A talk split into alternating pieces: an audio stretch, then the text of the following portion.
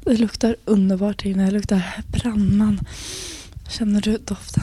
Det luktar svett. Väldigt mycket svett. Ja, men det är brandmanssvett. Nu sitter vi alltså här med en riktig brandman. Vad heter du? Jag heter Jan Olsson och jobbar som ställföreträdande räddningschef. Vad är det vi ska få testa på idag?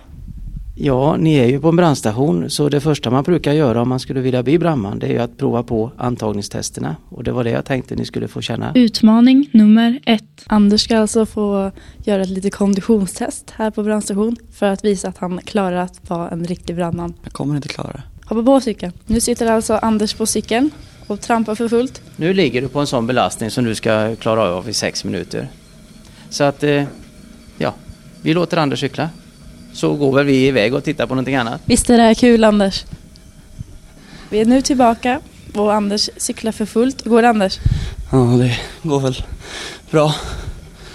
Vi hjälper dig av cykeln alldeles strax när du är färdig. Jag tror att det ser ut att behöva det. Utmaning nummer två. Förutom kondition så måste han ha en viss styrka. Anders, känns det som att vi har lite muskler i armarna? Inte tillräckligt för att bli brandman. Nu ska du få göra som så att nu ska du lyfta halva din vikt 20 gånger.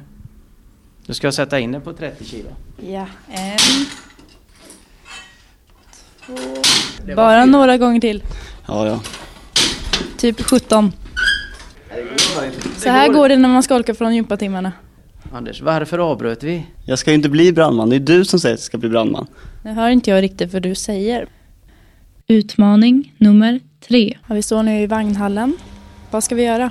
Jo, eh, när man ska ut och jobba som brandman så behöver man skyddskläder. Och eh, en av delarna här är det vi ska se att eh, man kan få på sig skyddskläder inom en viss tid. Det är ju som så att om larmet går så har man 90 sekunder på sig. Larmet har gått och Anders är på väg. Han springer ut i vagnhallen.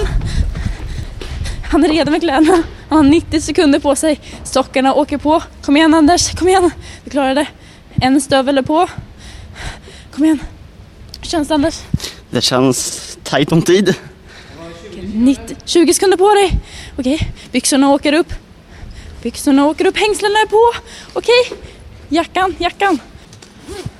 Anders, nu ska vi åka. Nu ska vi åka. Anders springer mot brandbilen. 10 sekunder på dig. Anders hoppar in i brandbilen. Och där är dörren stängd. Utmaning nummer fyra. Nu ska vi gå ut i vagnhallen och så ska vi prova på några övningar som är kopplat mera till yrket. Vi ska se om, om eh, Anders har höjdskräck och vi ska se om han har lite fobier i mörkret. Det vi vill nu det är ju att eh, vi ska se om Anders eh, gillar höjder eller om han inte alls tycker om det. Vi är alltså inne i korgen. Oj. Och jag snubblar in i korgen. Du fick inte hjärnskakning? Nej då. Nu kör jag får vi se om ni känner något av det här, om ni är höjdskräck eller så. så. Höjder får man klara av som brandman. Anders ska klättra över till en annan byggnad och gå ner för trapporna. Klara, färdiga, gå! Nu ska vi se hur lång tid det tar för Anders att klättra ner. Anders är faktiskt redan nere och vi har inte börjat åka ner än. Utmaning nummer fem. Den uppgiften som är kvar nu det är att eh, du ska visa mig att du är en duglig chaufför. Jag vet inte om jag vill utsätta andra för det, men jag har inte körkort än. Anders, har du inte körkort? Ja, men det måste man ju ha om man ska bli brandman. Men vi eh, går in och, och sätter oss och så har vi en, en avslutande diskussion och ser om du har några förutsättningar, tycker jag.